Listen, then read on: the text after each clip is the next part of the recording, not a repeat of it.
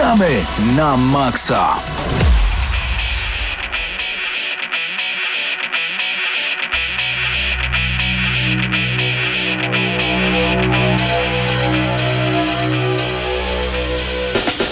Jeżeli jeszcze za starych dobrych czasów graliście w Tekken na 3, to właśnie ta muzyka pojawiła się na e, levelu Fola, e, Pola Phoenixa oczywiście. Paweł Typiak przed mikrofonem, Mateusz Zdanowicz, a także Mateusz Fidut oraz Paweł Stachyra. Dzień dobry, witamy bardzo serdecznie. Dodam jeszcze tylko, że Mateusz Zdanowicz, Eurogamer.pl. Cześć panowie. Cześć. Dobry wieczór. Fall Phoenix, od razu na sam początek taka wpadka. No nic, ale e, mam nadzieję, że graliście w Tekkena. Wy lubiliście w ogóle mordobicia w starych dobrych czasach, czy nie mieliście jeszcze wtedy okazji grać? Nas teraz pytasz? No a tak? Ja się wciągnąłem właśnie, e, znaczy grałem w Tekken na piątkę, pamiętam, na PS2, ale to tylko nie na swojej konsoli nawet, Mhm. ale jakby później minęło dużo, dużo czasu i dopiero tak naprawdę się wkręciłem przy Street Fighterze czwórce w bijatyki, na nowo można powiedzieć. Ale No teraz tak. już jestem na bieżąco i chyba gram w każdą i teraz to półrocze do tego jest dla mnie bardzo ekscytujące. Dzisiaj będziemy mówić o wyjątkowej bijatyce. To będzie For Honor, gra, która ma szansę zaistnieć na arenie esportowej. Niektórzy ciągle się zastanawiają, czy rzeczywiście tak będzie, czy jednak Ubisoft dało radę, czy mm, zrobili tak dobrą infrastrukturę sieciową, że można nazwać tę grę takim wstępniakiem do esportu. No, myślę, że o tym dzisiaj także Taka opowiecie. gra bijatyczno-taktyczna. Bijatyczno-taktyczna gra. Dobre, dobre podejście, Mateuszu. E, razem z Krzysztofem Lenarczykiem będziecie ją dzisiaj recenzować, także koniecznie wszystkich słuchaczy Radia Free zapraszamy do tego, aby pozostali razem z nami przed radioodbiornikami. Dziś także dwa wywiady, które Hubert Pomykała przeprowadził e, z twórcami Enlisted oraz Crossout. Jeżeli nie słyszeliście o tych grach, tym bardziej z nami zostańcie, ponieważ są to gry free to play. Na pewno Crossout, Enlisted chyba też. Też. Okej. e, Tylko dla- Enlisted jeszcze się tworzy. o, dokładnie. O, nawet Hubert w tym momencie wbiegł do naszego studia spóźniony, ale szczęśliwie uśmiechnięty. Dlatego jego wywiad e, dzisiaj pojawi się na pewno. O, już, już możesz Cześć, mówić. cześć, cześć. Cześć Hubert. Co, co tak późno się stało? Co, co się stało? Opowiadaj. Wyobraź sobie, że jak się mieszka na zamkniętym osiedlu, to czasem bywa tak, że zielona Skoda zostawi ci samochód i po prostu nie możesz dojechać do radia i pędzisz z buta tylko, żeby być, żeby spóźnić się jak najmniej. I żeby powiedzieć cze, cze, cześć wszystkim, cześć wszystkim. Ale No, udało się. To skoro jesteśmy Tak przy oso osobistych historiach z dnia dzisiejszego. właśnie skoro jesteśmy za osobistych historiach, to muszę zrobić coś, co obiecałem. Wybaczcie, że to nie będzie trochę gramy na maksowe, ale tak się okazało. Przed chwilą odebrałem telefon. Moja bliska przyjaciółka jutro ma ważną operację na struny głosowe. Trzymamy kciuki. Może stracić głos, Wow. 60% do 40%, że może stracić głos i z tego miejsca, z tego miejsca w Radiu Free gramy na maksa i osoba, która zawsze mnie wspierała pod względem radiowym dostaje od nas gorące pozdrowienia. Jeśli możecie coś przekazać Pawle i tak dalej To każdemu. ściskamy jak najbardziej, oczywiście. I trzymamy Ściskamy kciuki. bardzo, bardzo, Trzymaj bardzo. się. Trzymamy kciuki. Jutro 8 rano. Dobra, to- Powodzenia lekarzowi. Oczywiście, że tak. Powodzenia lekarzowi i Życzymy. mamy nadzieję, że szybko wrócisz do zdrowia. Ale skoro jesteśmy właśnie przy takich rzeczach, jeszcze nie gramy na maksowych, ja muszę opowiedzieć historię, która mnie spotkała dwie godziny temu, panowie. Pojechałem do sklepu niemieckiej marki i stanąłem sobie przy wózkach i chciałem wziąć... Widziałem to. Wiem, bo już napisałem o tym na Facebooku. Farma lajków. Natomiast chciałem wziąć wózek. Miałem same drobne, same 50 groszówki i szła pani i zapytałem się tej pani, przepraszam, czy może mi pani dwie 50 groszówki wymienić na złotówkę? Pani spojrzała na mnie, zmierzyła mnie wzrokiem od butów aż pod czubek czapki. Powiedziała, mam dwa złote i mi je wręczyła. Mówię, ale nie, to niepotrzebnie. Niech pan weźmie. Panu się bardziej przydadzą. I zastanawiam Okej. się, o, o, co mogło, o co mogło chodzić. Dlaczego tak się stało? Także Przecież ubierasz się bardzo wyjściowo. bardzo. Absolutnie nie wyglądasz jak osoba, Nie która wiem. czatuje po wino No przez nie wiem, cały ale dzień. dzisiaj Paweł rano chyba mówił, że do pracy przychodzi w piżamie. Bo chłopaki Więc się ze mnie śmiali. Czy no. znowu byłeś y, w sklepie w piżamie? Nie, właśnie tym razem nie. Dobrze, wróćmy teraz do gramy na maksa, panowie, e, i o Crossout, i o Enlisted, i o For Honor, ale także będziemy mówić o pewnej strategii, która bazuje na emocjach fanów i na nostalgii. Panowie, co to będzie?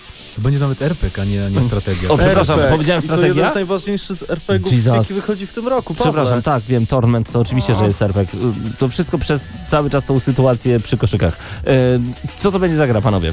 Torment Tides of Numenera, czyli najnowsza gra e, twórców Wasteland 2 między innymi, Mhm. studia Exile, na którą wielu, gra, wielu fanów Planescape Tormenta bardzo czekało. E, Ta gra ukazała się 28 lutego i będziemy ją recenzować dzisiaj. Tak jest. I jeszcze jeden tytuł, Aha. Który opiera się na tym, że jak masz ludziki Lego i gitary z Lego, to możesz to grać i możesz również na gorylu zmierzać świat. I mowa o Lego Worlds, którego krótka recenzja już dzisiaj. Wow! No to e, w takim razie zostańcie z gramy na maksa, bo tutaj widzę, że nie możemy w ogóle nawet na chwilę czasu tracić, bo przed nami naprawdę mnóstwo niewiarygodnych e, rzeczy i myślę, że rozpoczniemy już za chwilę od recenzji Tormenta. E, panowie, mam nadzieję, że jesteście gotowi. Wracamy już za chwilę, ale najpierw, najpierw posłuchamy jeszcze muzyki ze starej, dobrej Zeldy.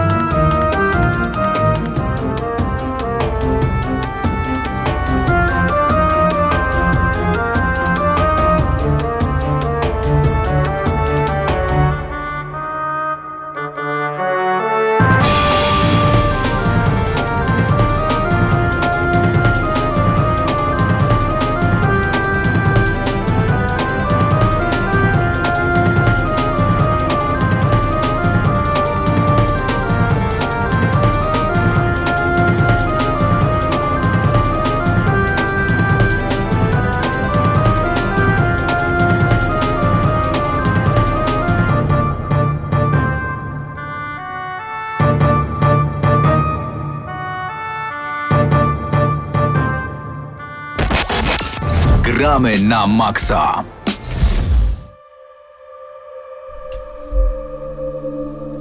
Wgramy na maksa recenzja gry Torment Tides of Numenera, która okazała się 28 lutego 2017 roku. E, Wydawcą światowym i polskim jest firma Techland, natomiast producentem studio Exile Entertainment odpowiedzialny m.in. w ostatnich latach za RPG Wasteland 2. No i co? I to jest bardzo wyczekiwany, wydaje mi się, tytuł przez wielu fanów tak zwanych staroszkolnych RPGów, ponieważ nawiązuje oczywiście do kultowego Planescape Torment. Em, a o czym opowiada? E, wcielamy się od, zaczynam od bardzo intrygującego ogólnie elementu tej gry, czyli fabuły, bo wcielamy się w niejakiego. Jak on się nazywał? Ostatni porzucony. Tak, ostatni porzucony, czyli osobnika, który został, jak sama nazwa wskazuje, porzucony przez pana wcieleń. A ten z kolei osobnik to jest bardzo tajemniczy jegomość, e, połączenie naukowca z magiem, można powiedzieć, bo to uniwersum jest trochę pokręcone, więc trudno zdefiniować. Takie jakby bóstwo, nie bóstwo. Pseudobóstwo, tak, y, które, który posiadł moc jakby tworzenia nowych ciał i przenoszenia w nie swojej świadomości. I właśnie porzuceni to są osoby, to są te ciała, które on porzucił i one odzyskują nagle swoją, swoją świadomość. I my się wcielamy właśnie w takiego bohatera i to już jest samo w sobie intrygujące, no bo jesteśmy tak, tak jakby e, nowonarodzonymi w tym świecie, ale jednocześnie jesteśmy już, pełnoprawnymi jednostkami.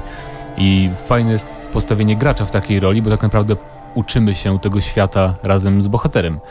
I chciałem cię zapytać, Pawle, jak, e, jak ci się podobała fabuła w Tormencie? Oczywiście nie możemy za bardzo spoilować, No właśnie, ale jak ci się podobało sam jakby założenia fabularne i to, jak się to wszystko potoczyło? żeby zostawić fabułę, bo tak fabuła, szczerze powiedziawszy, nie była dla mnie najmocniejszym elementem tej gry, raczej świat.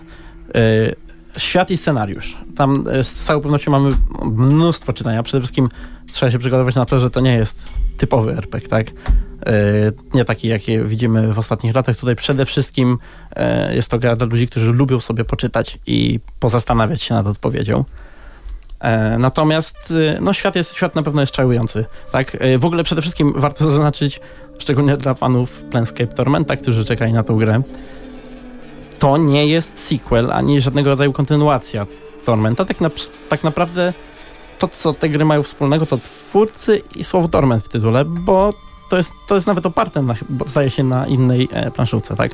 E, tak, to jest właśnie jak też Tides of Numenera, dlatego że to jest oparte na uniwersum Numenery, czyli papierowego RPGa e, stworzonego przez e, Monte Cooka. I właśnie tak jak powiedziałeś, to uniwersum jest chyba największą zaletą tej gry. Nawet nie chyba, dla mnie to jest największa zaleta zdecydowanie. E, to uniwersum, ten świat jest fascynujący, bo to jest, to nie jest typowy fantazy, to nie jest typowy science fiction, tylko to jest bardzo ciekawa mieszanka różnych podgatunków science fiction i fantazy. To, to jest, coś, takie... czego nie widziałem w żadnej grze do tej pory i dlatego to mnie tak od początku tak naprawdę zafascynowało. To jest takie czarujące przede wszystkim. Tam e, w ogóle bardzo ciekawą sprawą w tej grze jest to, że nie mamy śmieciowego lutu. E, nie ma tam czegoś takiego, że zbieramy widelce, e, noże i inne tam e, sprzęty domowe, żeby je później sprzedać za kawałeczek złociwa. Tutaj mamy każdy, każdy, element, każdy element, który znajdujemy w świecie, nawet jeżeli jest bezużyteczny, ma opis, ma jakąś ciekawą funkcję, można by to tak powiedzieć, ponieważ są to kawałki z tej utraconej technologii, której nikt nie rozumie. Może być to kwiat, który rozkwita, kiedy położy się go w cieniu, albo kawałek obrazka, który się na ciebie patrzy i nigdy, gracz nigdy nie dochodzi do tego, na czym, dlaczego te rzeczy tak działają, o co w nich chodzi. To jest po prostu taki smaczek, który pozostawili twórcy. No tak, bo my się poruszamy ogólnie w tej grze po świecie, y, który powstał, jakby to jest dziewiąta, czy któraś tam z kolei cywilizacja.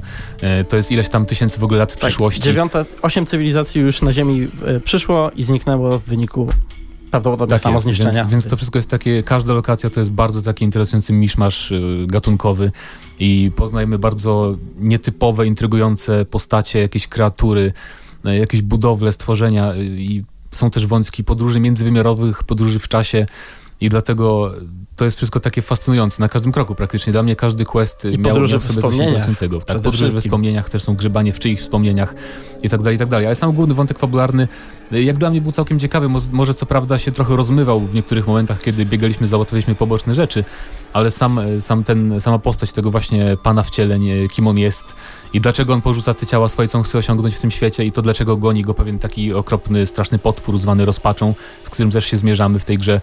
E, to jakby cały czas było dla mnie interesujące i ciekawe. Ja powiem szczerze, że właśnie to jest ten element, który mnie troszeczkę zawiódł. E, żeby nie spoilować, po prostu e, nie byłem... Znaczy spodziewałem się czegoś więcej po rozwiązaniu różnych zagadek, bo przez całą grę tak naprawdę jesteśmy wodzeni za nos, nie wiemy czym jest ta rozpacz, kim jest dokładnie ten Bóg, tak?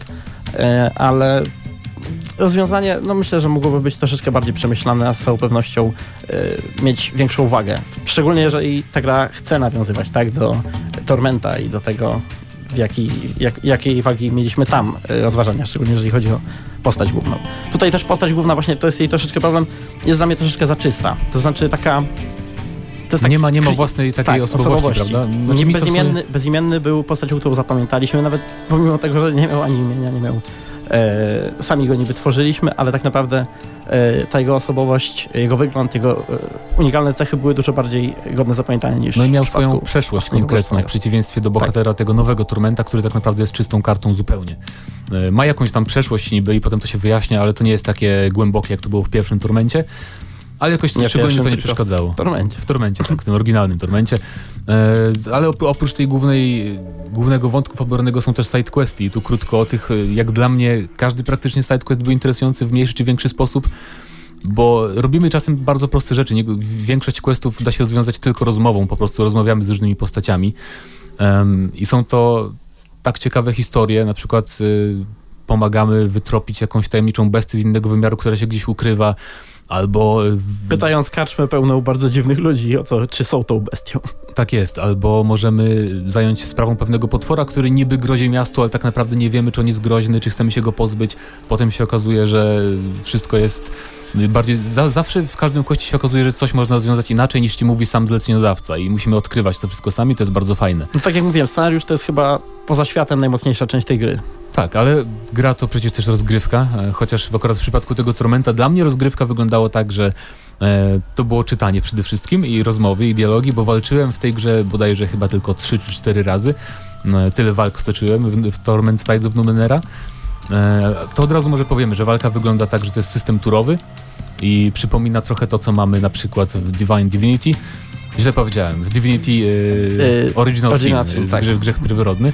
e, czyli że mamy punkty akcji, poruszamy się tam po określonym em, terytorium. I postaci poruszają się y, y, według inicjatywy, którą mają, tak? Jeżeli chodzi o ich kolejność, a nie razem jako drużyna. No, no, ale nie jest to nic, nic od- odkrywczego. Jeżeli graliście w jakąś turówkę, no to to będzie podobne, przy czym tu mamy też coś takiego, że często podczas walki możemy na przykład z kimś porozmawiać, co jest interesujące i przerwać walkę wcześniej. Albo uciec. I to wcale nie jest tutaj y, opcją y, uznawaną za błędną, Tak bo jest. często można w ten sposób po prostu zmienić trochę quest. Ba, można zginąć. Można zginąć, chociaż nie zawsze i to, jest też, to też nie będzie spoiler, bo tu można zginąć wiele razy i trafiamy do takiej specjalnej lokacji.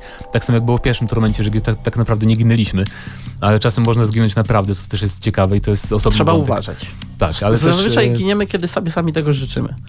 No tak, to prawda.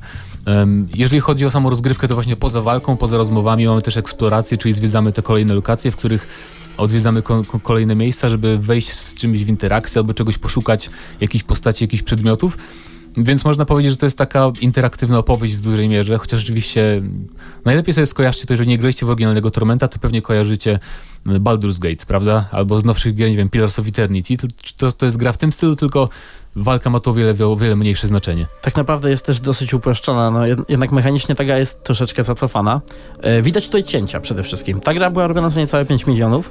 Jest to duża kwota jak na mm, Kickstartera, ale tak naprawdę myślę, że ta gra jest dobrym dowodem na to, że e, zrobić coś w tej skali e, za taki budżet e, no, nie jest to ciągle możliwe. Co więcej, e, mam dziwne wrażenie, że ta gra dużo lepiej by się trzymała jako typowa mm, nowela. Wizualna. chcesz powiedzieć? Tak. Nie wiem, szczerze mówiąc, bo jednak e, wtedy eksploracja chyba nie, była- nie byłaby taka sama, nie? Nie robiło Możliwe. takiego wrażenia na, Tak, na tobie, e, gdybyś... ale system, system RPG, w ogóle wszystko, e, cała otoczka, tak, RPGowa zdecydowanie wymaga, wymaga poprawy.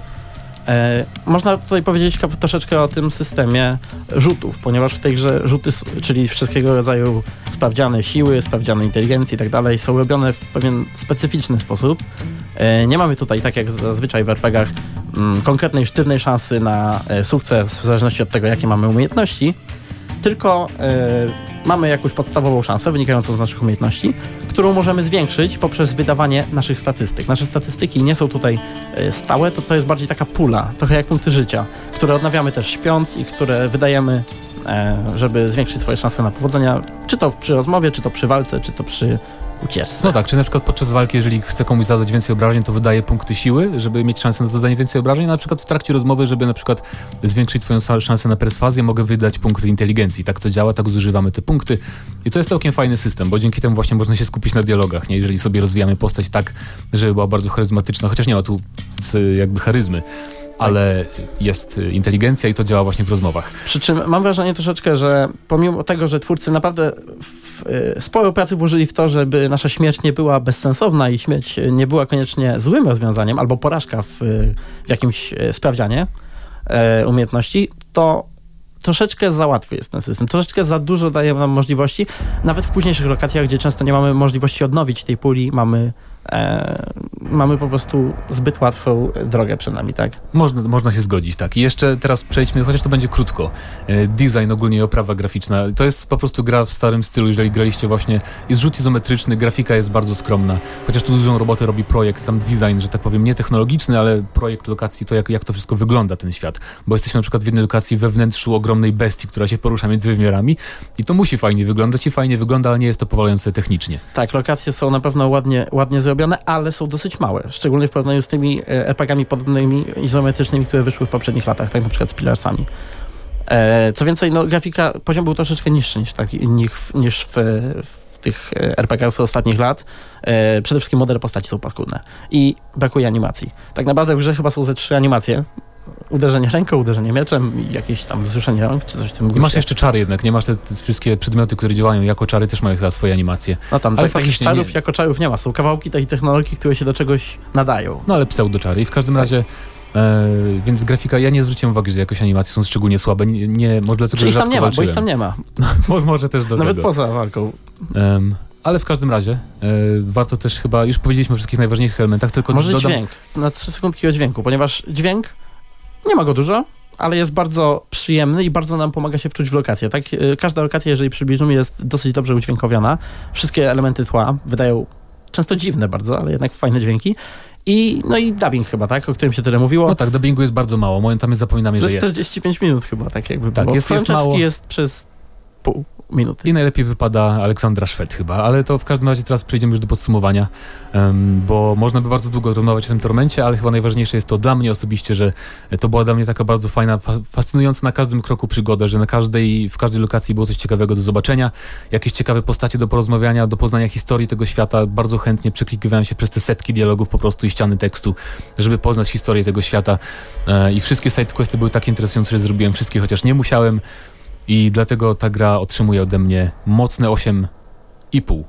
Dobrze, no to żeby tutaj troszeczkę zbalansować, też e, wydał mi się to bardzo fascynujący świat. E, bardzo lubię tego typu gry przede wszystkim, które e, mają większy nacisk na rozmowy, na jakieś oszukiwanie i tego typu rzeczy, ale tak naprawdę to, że na przykład, no nie wiem, lubię pączki, jeżeli zjem słabego pączka, to nie powiem, że on jest dobrym pączkiem.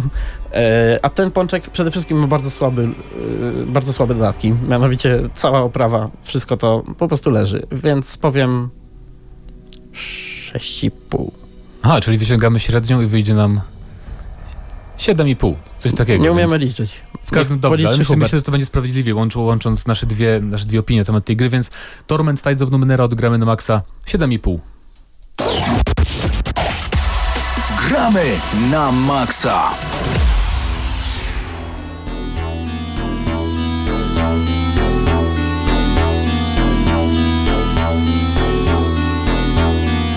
W Gramy na Maxa nadszedł czas na e, rozmowę. Hubert, ty miałeś wyjątkowe spotkanie podczas Intel Extreme Masters. Miałem wyjątkowe spotkanie z Denisem, który jest PR menedżerem Gaijin Entertainment, mimo że nazwa brzmi y, raczej zachodnio. Zach- Gaijin? Wschodnio. Wschodnio. Wschodnio. wschodnio.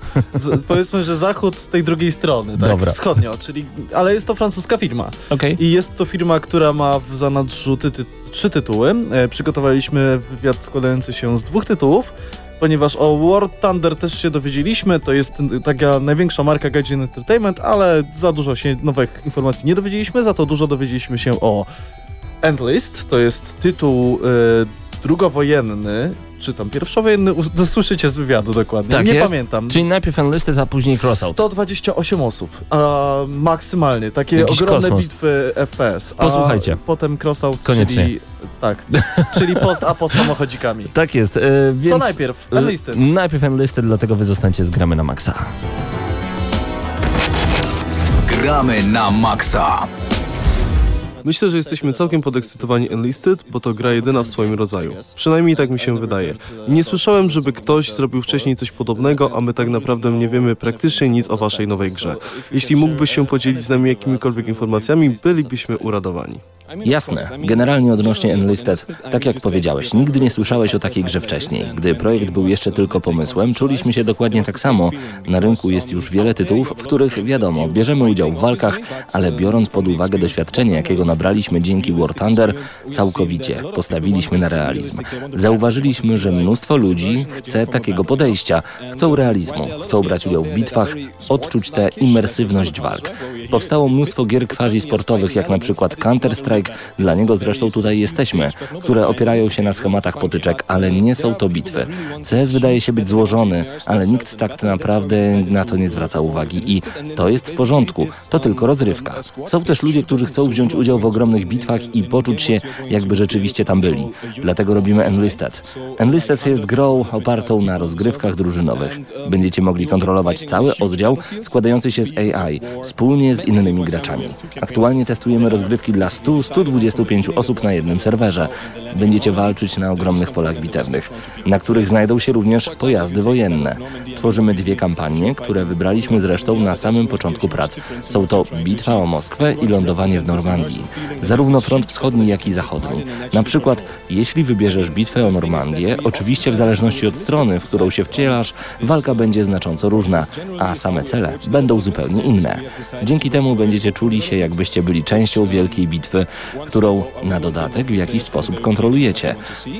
Drugą sprawą, dla której zdecydowaliśmy, że stworzymy Enlisted jest podejście do tworzenia gry. Chcemy być bardzo otwarci i współpracować z graczami od samego początku procesu, by wiedzieć, czego chcą od gry, a jeśli wejdziecie na stronę enlisted.com, zobaczycie, że osiągnęliśmy już wspólnie pierwszy cel, którym była nowa kampania mająca rozgrywać się w Afryce. Gracze będą mogli rozgrywać więc w kampanię pomiędzy Romelem a szczurami pustyni. Zadaliśmy mnóstwo pytań wspierającym grę, takie jak co jeszcze możemy dla Was dodać oraz czy chcecie sterować pojazdami. Co pewnie zaimplementujemy, jeżeli osiągniemy i ten cel. Kiedy wrócimy do Twojego wrażenia, pojawia się kolejna ważna kwestia. Od samego początku stwierdziliśmy, że Enlisted będzie produkcją oryginalną, chociażby pod tym względem, że na przykład bitwa o Moskwę rzeczywiście jest wielka. Nie jest to po prostu duża mapa, a pełnoprawna gra z oddzielnymi rodzajami broni i postaciami stworzonymi specjalnie dla tej kampanii. To po to, aby zapewnić jak najbardziej realne i przykuwające gracza odczucia. Kampanie miały być dostępne na zasadzie możecie za nią zapłacić i cieszyć się grą na zawsze. Ale jeśli tego nie zrobicie, macie dostęp do tej wersji trial. Okazało się, że ponad dwie trzecie graczy, dosłownie ich przytłaczająca ilość, znacznie wolała system free-to-play razem z mikropłatnościami, a my ich posłuchaliśmy i powiedzieliśmy, ok, to dla nas jasny przekaz, że nie zgadzacie się z naszym początkowym założeniem. Zdecydowaliśmy, że zmieniamy system dystrybuowania na free-to-play, przypominający War Thunder. Będą się one od siebie trochę różniły z racji tego, że i gry się znacznie różnią. Póki co skupiamy się na portowaniu gry do właśnie tego formatu, czyli free-to-play, a następnie będziemy kontynuować otwarte podejście w kreowaniu gry, poprzez które pomagamy ludziom wybrać i wesprzeć elementy ich interesujące oraz zaangażować samych graczy w proces tworzenia. Gramy na maksa.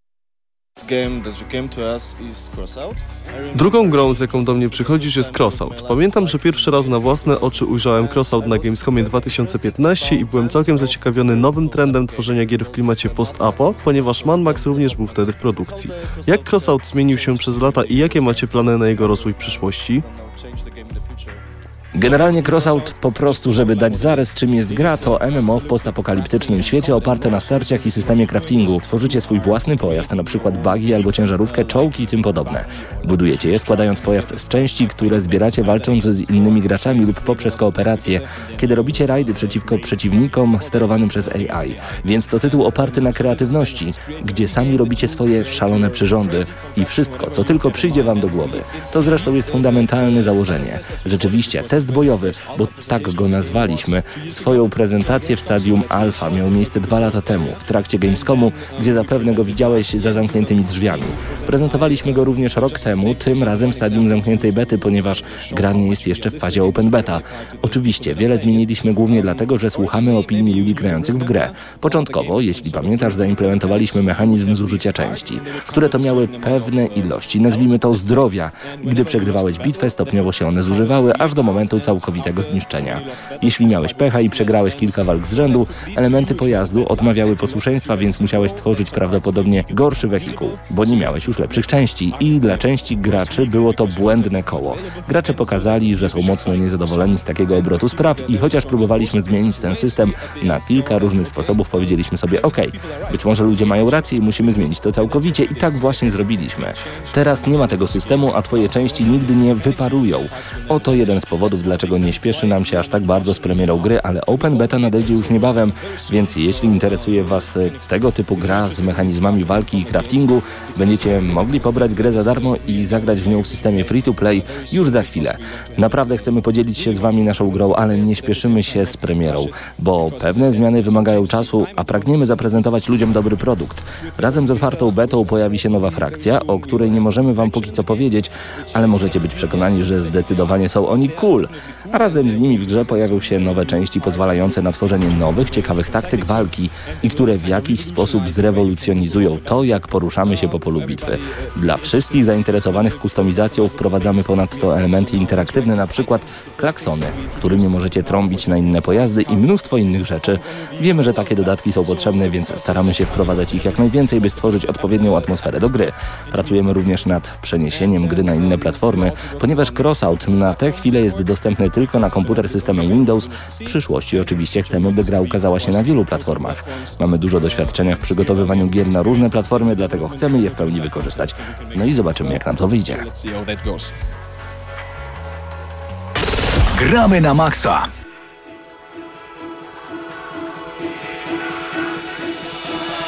You even me?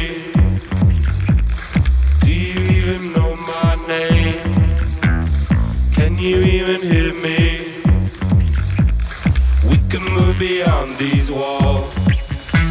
So people of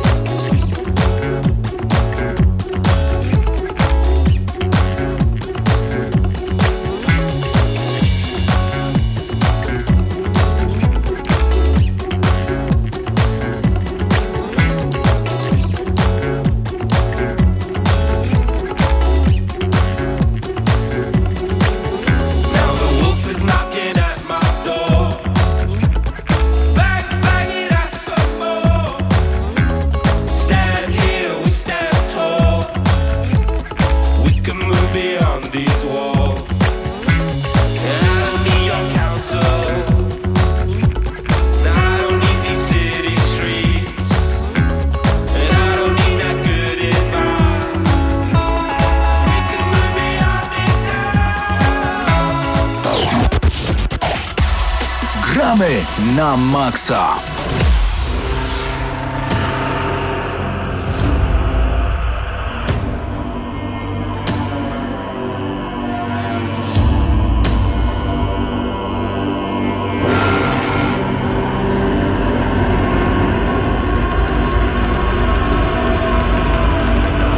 Gramy na maksa czas na recenzję For Honor. Gra pojawiła się 14 lutego zarówno na PC, jak i na PlayStation 4, Xbox One, no i oczywiście też jest dostępna na PlayStation 4 Pro. Wydawcą jest Ubisoft, w Polsce Ubisoft y, Polska, producentem Ubisoft Montreal razem z Blue Byte z Niemiec. Y, Jest to gra stricte, można powiedzieć, y, online, chociaż ma też tryb dla pojedynczego gracza. Razem ze mną w studiu jest również Krzysztof Lenarczyk. y, i, i razem we dwóch tutaj będziemy opowiadać o tej grze i chociaż minęło już troszkę czasu od jej premiery, to wydaje mi się, że to nawet na plus nam wyjdzie, bo możemy opowiedzieć też o problemach, jakie stwarza For Honor, przynajmniej w kwestii takich technicznych online. Ale może przejdźmy do tego, czym jest same For Honor, bo to są starcia tak naprawdę trzech frakcji, samurajów, wikingów, Wikingów i rycerzy. I rycerzy. E, Historia jest dosyć pokręcona, ale nawet nie wiem, czy warta po prostu ym, tłumaczenia. To ja Nagle- może od razu się odniosę bezpośrednio, bo ja zacząłem tryb jednoosobowy, ale dla mnie był na tyle miałki i bezsensowny, że uznałem, że jest to tylko przygotowanie do multiplayera i jako główną część swojej recenzji obrałem tę część, którą założyli sobie sami twórcy, tak? Czyli ja będę oceniał stricte y, część multiplayerową, Mateusz Ja więcej grałem y, akurat Singla w singla, bo jestem całość. takim graczem raczej singlowym, ale faktycznie też dużo czasu spędziłem w trybie multiplayer. I właśnie, jeśli chodzi o single player, to jest to gra na około, bym powiedział, 6 godzin, w porywach do 7, to już maksymalnie. Niektóre osoby mogą spokojnie przejść ją w, w 5 godzin.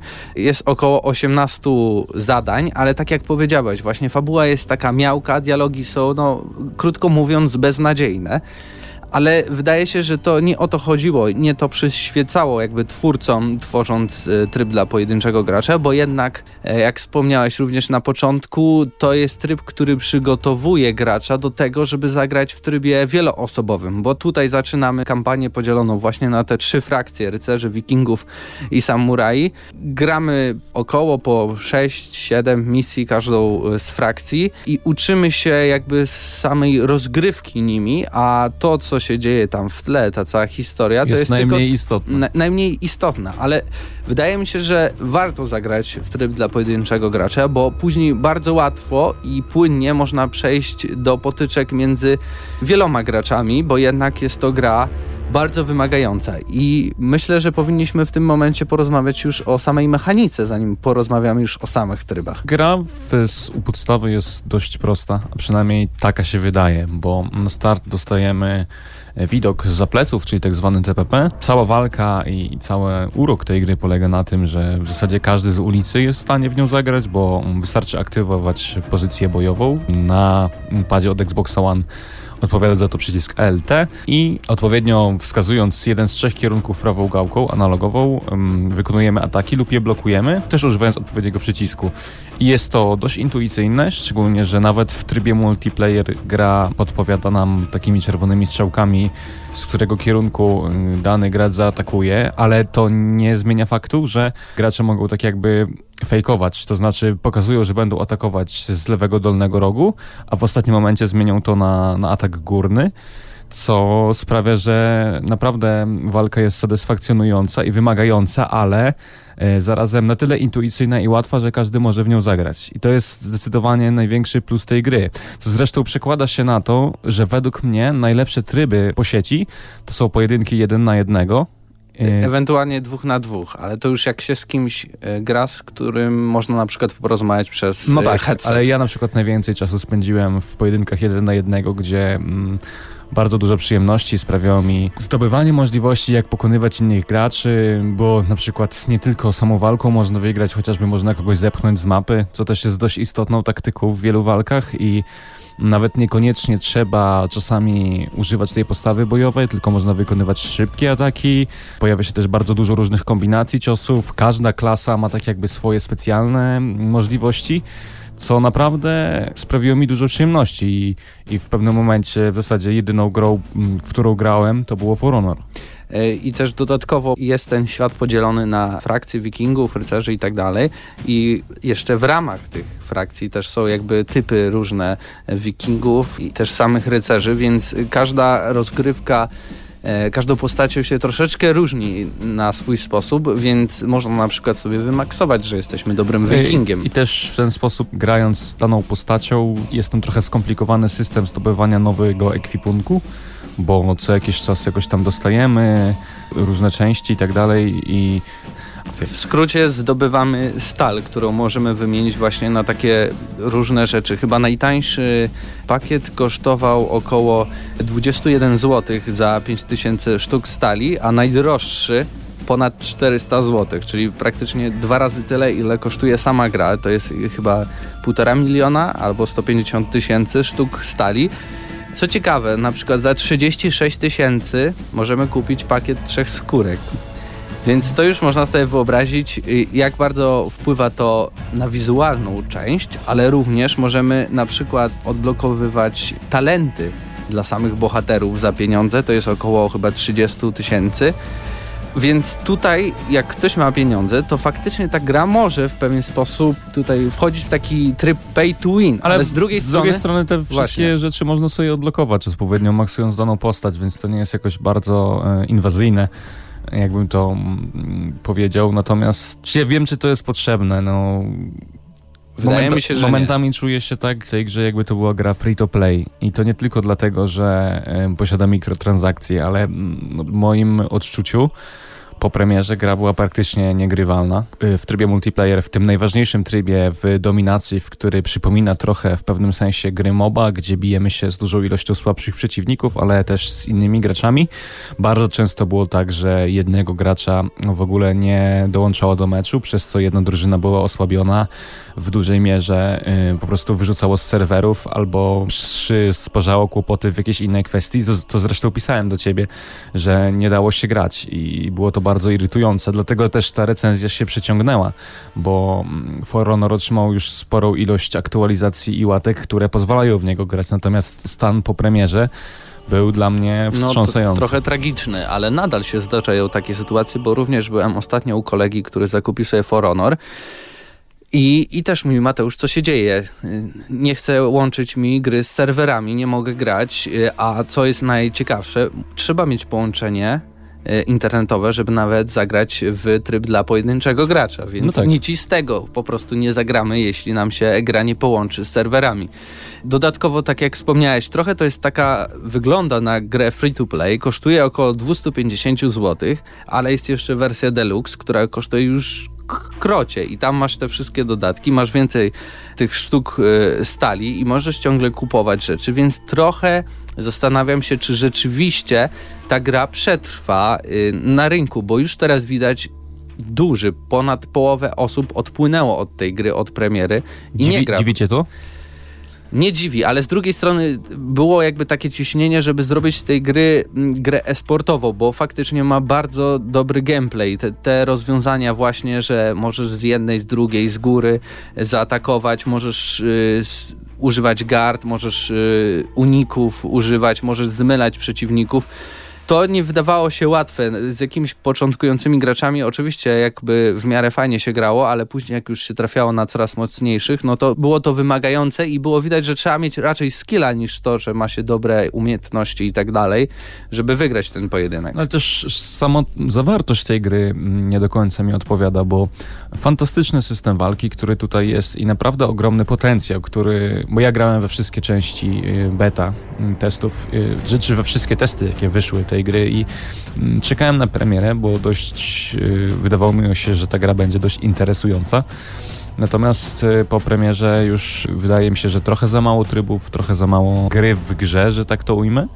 I trochę szkoda, że Ubisoft zmarnował ten potencjał, bo było tutaj naprawdę wiele możliwości na zrobienie wyśmienitej gry, bo sama taka, jakby to określić, krew, kwintesencja tej gry to jest coś, co, na co warto zwrócić uwagę. Natomiast cała otoczka wokół niej, czyli ta fabuła, ten tryb y, multiplayer, to jak działają serwery, te kraftowanie ekwipunku i, i cała reszta sprawia, że, że to po prostu odrzuca graczy. To zresztą sam już wspomniałeś. No i z drugiej strony, y, o czym też wspominaliśmy, że tak naprawdę jedyną jakby satysfakcję sprawia tu granie w pojedynkach jeden na jeden. Znaczy Bo największą, tak? no to bo- jest największa przyjemność tej gry. Czujesz wtedy, że faktycznie jakby szanse są wyrównane i ten pojedynek jest sprawiedliwy, bo kiedy pojawiają się inni przeciwnicy, to też ta gra ma trochę problem z tym, że no, możesz się skupić tylko na jednym przeciwniku. Oczywiście możesz blokować ciosy od wielu naraz, ale skupić się, żeby uderzyć, możesz tylko jednego i wydaje mi się, że to powinno być Jakiś błąd w założeniu. poprawione w ogóle, jeśli chcą myśleć o jakimś rozwijaniu tej gry albo o stworzeniu na przykład kolejnej części. Co na pewno należy zaliczyć na plus, to jakby oprawa audiowizualna, która jest Bardzo moim ładna. zdaniem bardzo ładna. I bardzo dobrze zoptymalizowana. Przynajmniej na, nawet na Xboxie One, co mnie trochę Tak. zdziwiło. Bo wydawało się, że jednak tutaj te wszystkie rzeczy są pokazywane albo z PC, albo z PlayStation 4 Pro, a jednak nadal gra na tych podstawowych konsolach wygląda bardzo dobrze, trzyma klatki, raczej się nie tnie. E, No chyba mi się zdarzało kilka razy, gdzie pojawiali się ci przeciwnicy komputerowi. To faktycznie czasem dało się odczuć mały spadek klatek, co przy jakby grze wieloosobowej jest trochę takim skazaniem e, na stryczek troszeczkę tej całej produkcji. I wydaje mi się, że powinniśmy przejść chyba już pomalutku do podsumowania. Czy byś polecał w ogóle tą grę w tym momencie, w takiej formie? Czy w jakiś sposób cię zaspokoiła i spełniła oczekiwania po tych właśnie wszystkich trybach e, beta, w których uczestniczyłeś? Oczekiwań moich niestety gra nie spełniła. Ja byłem skłonny przed premierą wystawiać ocenę w okolicy ósemki, dziewiątki, zanim zagrałem w, w pełen produkt, bo w beta testach nie było tak wielu problemów, na jakie spotkałem się w wersji finalnej.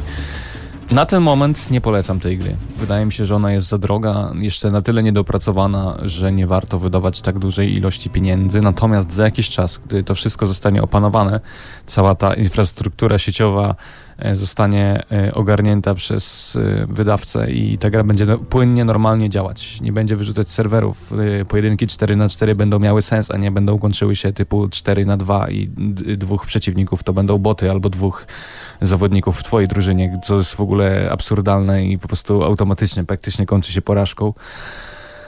No to wtedy będzie można w to zagrać. Ja nie grałem jakoś bardzo dużo, jak, jakieś dwie godziny grałem w, w kampanię fabularną, więc y, moja ocena nie będzie taka do końca pełna. e, ale za samą przyjemność e, grania w For Honor, za te potyczki, za ilość godzin, które spędziłem, bo tak jak wspomniałem, przez pewien moment grałem tylko w For Honor, bo sprawiało mi to sporo przyjemności mimo całych problemów, to wystawiłbym szóstkę z plusikiem. U, nisko. Znaczy się, wiesz, zaraz poznasz moją opinię i, i chyba się powoli też zgodzimy z taką oceną, bo faktycznie jakby sam gameplay, sama rozgrywka, to jak zostało to przemyślane i zaplanowane, że jednak jest tu dużo taktyki, e, a nie maszowania przycisków, co można, bo jak się patrzy po prostu na gameplay, to się wydaje, że to jest takie proste, ale tak naprawdę jest tu dużo rozkminiania i, i posiadania właśnie tego No i też skilla. sterowanie jest dobrze rozłożone, to też plusik dla twórców, że to zostało bardzo fajnie rozplanowane, ale już ci nie przeszkadza. Y, Podoba mi się jakby podejście do tego, że kampania dla pojedynczego gracza rozwija umiejętności potrzebne e, do trybu wieloosobowego, ale właśnie tutaj tym minusem jest jednak sama fabuła. Na przykład w Battlefield 1, co mi się podobało, też każda misja była przygotowaniem do tego, co spotkamy w multiplayerze, a jednak historia, wydaje mi się, była dużo lepsza. Nie była na jakimś niesamowitym poziomie, ale jednak mi się chciało grać i skończyłem te wszystkie misje, a tutaj For Honor, no to było po prostu przejdę to, bo, bo muszę do recenzji, a nie przejdę, bo tak naprawdę mi się chce. Dobrze, że podszedłeś do tego stopnia, że byłeś zaparty. Tak, du- dużo zaparcia ch- trzeba w, w tej grze jednak. E, No ale tak jak wspomniałeś, chaos, który panuje w potyczkach wieloosobowych, gdzie jest na przykład 4 na 4 problemy z, z łączami, problemy z serwerami, te mikrotransakcje, które jednak wydaje mi się wpływają w jakiś sposób na samą rozgrywkę, a też cena tych, tych wszystkich rzeczy jest dosyć wysoka. No nie pozwala mi też chyba postawić y, na pewno nie pozwala mi postawić siódemki. Ja chciałem postawić szóstkę, ale żebyśmy tak jakoś może w miarę zgodnie podjęli tutaj decyzję, to jednak jeszcze za tą całą oprawę audiowizualną, która bardzo To ten mi się ten podoba. plusik. Ten, plu, ten plusik będzie i odgramy na maksa będzie no 6,5 i dziękujemy dystrybutorowi gry w Polsce, czyli Ubisoft Polska za dostarczenie kopii do recenzji.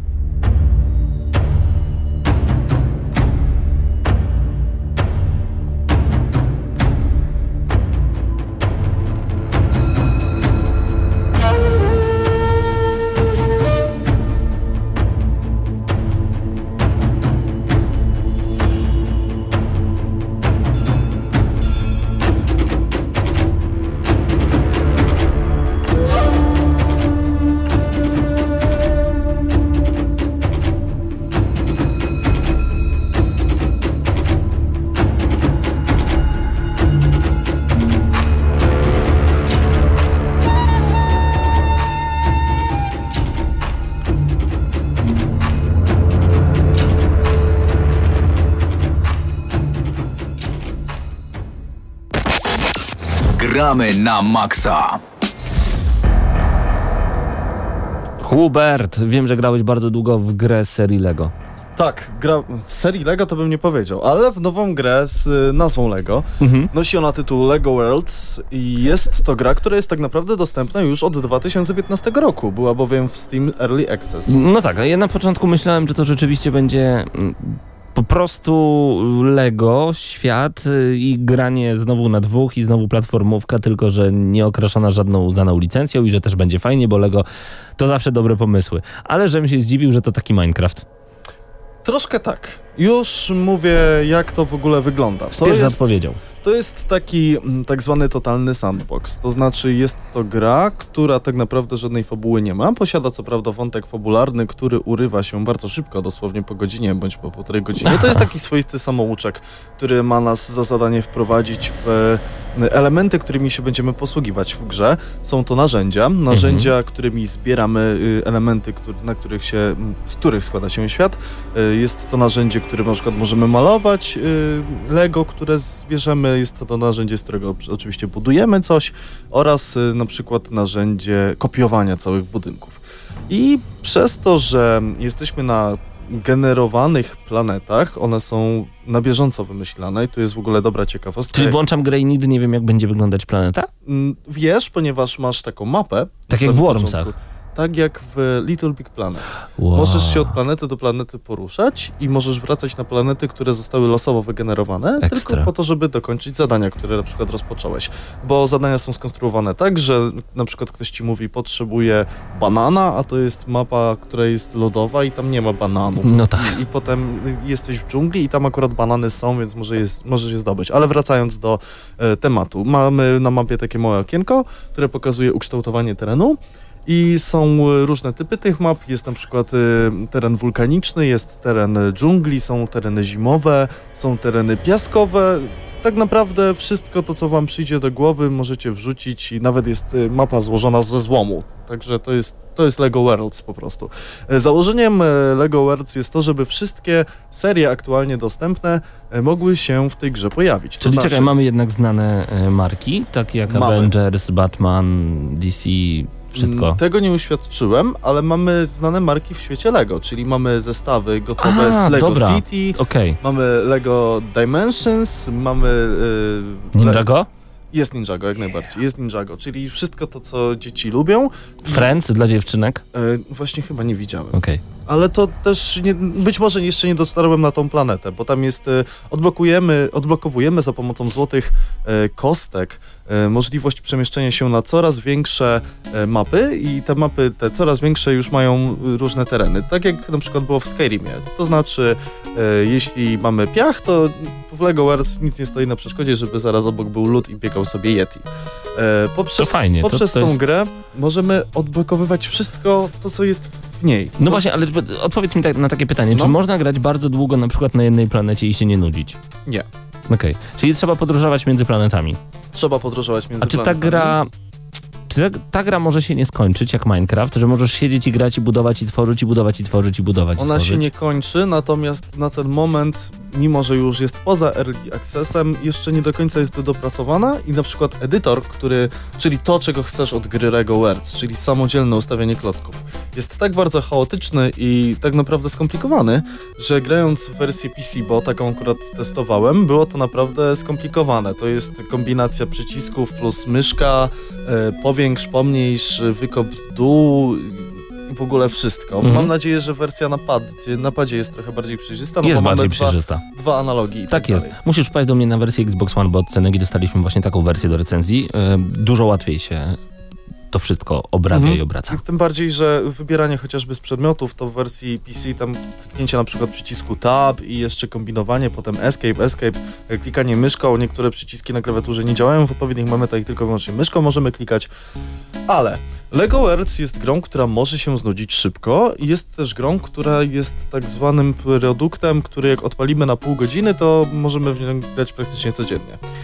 Em, ponieważ jeśli mamy małą mapę, to synchronicznie ilość zadań do wykonania, dzięki którymi zbieramy złote klocki i nasza postać e, leveluje, e, na małych mapach jest mniejsza. Na tych średnich mapach jest tych zadań więcej i tak dalej. Więc na przykład to się również przekłada na sposób, w jaki rozgrywka jest prowadzona. Na tych małych mapach na przykład nam się zdarzy, że są dosłownie trzy zadania i na dodatek mogą być skomplikowane i żeby nasza postać mogła zdobyć te trzy klocki, to nam zajmie godzinę. Okej. Ale na przykład jak jesteśmy na średniej mapie, to tych zadań jest z 8 i możemy zdobyć poziom w 20 minut.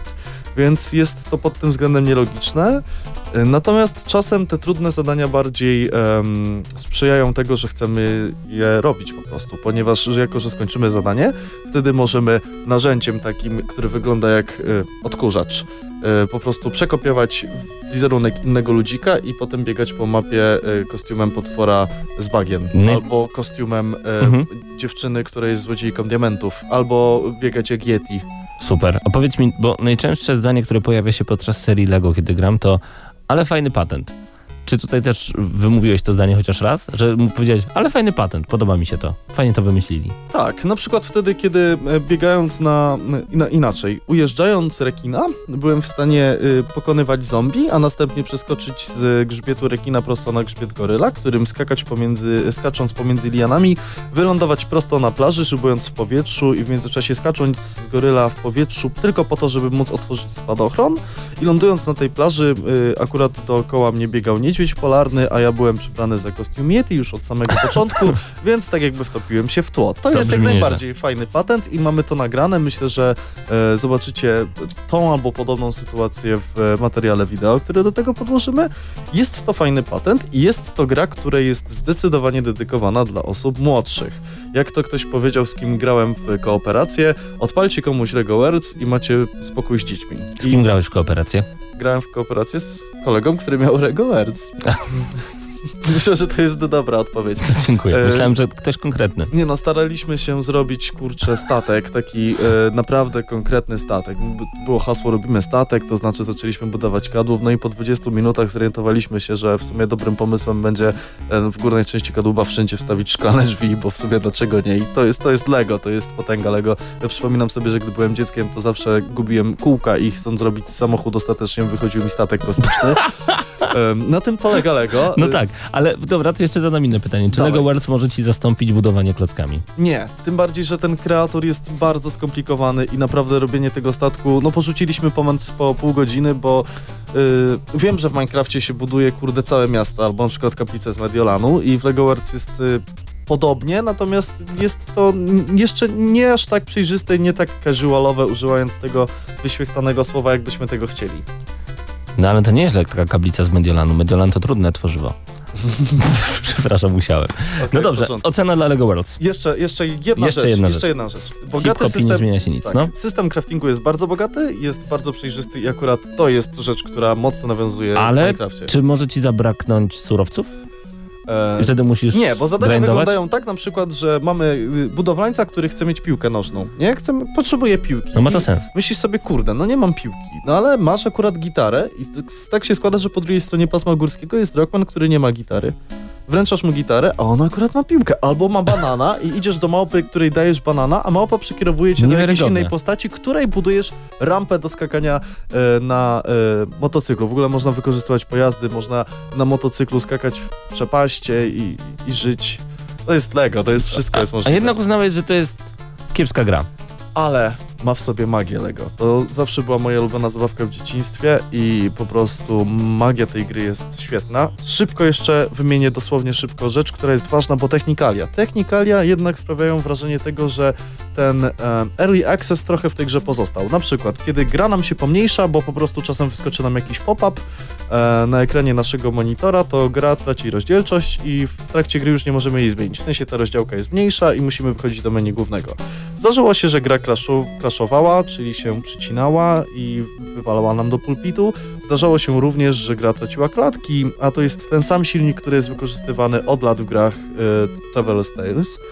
I e, wydaje dwie oceny e, LEGO Worlds. 7 z połówką to jest ocena dla dorosłych dziećmi i gwarantuję wam, że zarówno dorośli i dzieci będą się przy tej grze bawić i dorośli poczują to uczucie, które ja w tym momencie mam, kiedy recenzuję ten tytuł, czyli tą taką, ten taki entuzjazm, nieprzejednany entuzjazm tego, że bawimy się klockami i możemy zrobić z nich wszystko. Okej. A druga ocena to 5,5 za to, że wiem, że 5,5 to jest dosyć sroga ocena i wydaje się być krzywdząca, ale mimo wszystko po 7 godzinach spędzonych w LEGO Worlds, żeby przegrać kolejne 2,5 godziny, już musiałem się zmusić. Już mi się nie chciało. Em, Czyli ostatecznie 6,5? Ostatecznie, ostatecznie 6,5 i powiem jeszcze jedną rzecz. Gra jest bardzo tania, bo wersja na konsolę to jest y, okol, okolice 100 zł, a wersja PC-towa to bodajże okolice 60 zł. Jeśli wam się nie śpieszy, poczekajcie aż stanieje o 30% i wtedy bierzcie w ciemno. I to było Lego Worlds w Gramy na Maxa. Gramy na maksa.